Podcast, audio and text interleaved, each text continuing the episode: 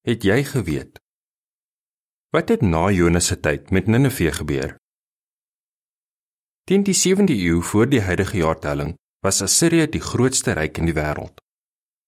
Volgens die Britse Museum se blok het dit gestrek vanaf Siprus in die weste tot Iran in die ooste en op een stadium het dit selfs Egipte ingesluit. Sy hoofstad, Ninive, was die grootste stad in die wêreld.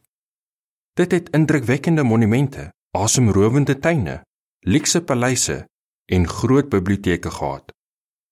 Inskripsies op die mure van eertydse Ninive wys dat koning Assurbanipal, net soos ander Assiriese konings, homself koning van die wêreld genoem het.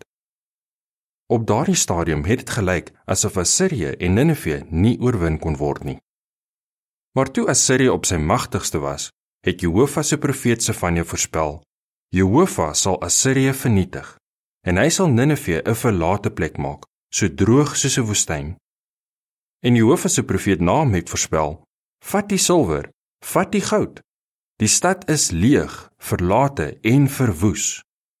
Almal wat jou sien, sal van jou af wegvlug en sê: Ninive is verwoes. Sefanja 2 vers 13, Naam 2 vers 9 en 10 en 3 vers 7. Toe die mense van daardie tyd hierdie profeseë hoor, het hulle seker gewonder: Is dit moontlik? Kan die magtige Assirië ooit oorwin word? Dit het seker ongelooflik geklink.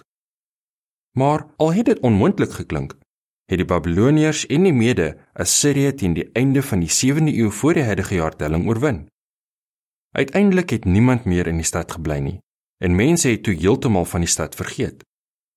Volgens 'n publikasie wat uitgegee is deur die Metropolitan Museum of Art in New York, was Nineveh teen die middeleeue heeltemal verlate en begrawe en het mense net as gevolg van die Bybel van Nineveh se bestaan geweet. En volgens die aanlyn argief van die Biblical Archaeology Society het niemand teen die vroeë 1800s eers geweet of die groot Assiriese hoofstad ooit regtig bestaan het nie. Maar in 1845 het die argeoloog Austin Henry Layard die ruïnes van Ninive begin opgrawe. Daardie ruïnes het bewys hoe groot en hoe pragtig Ninive in die verlede was.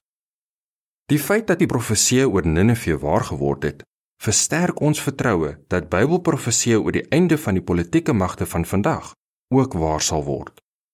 Einde van artikel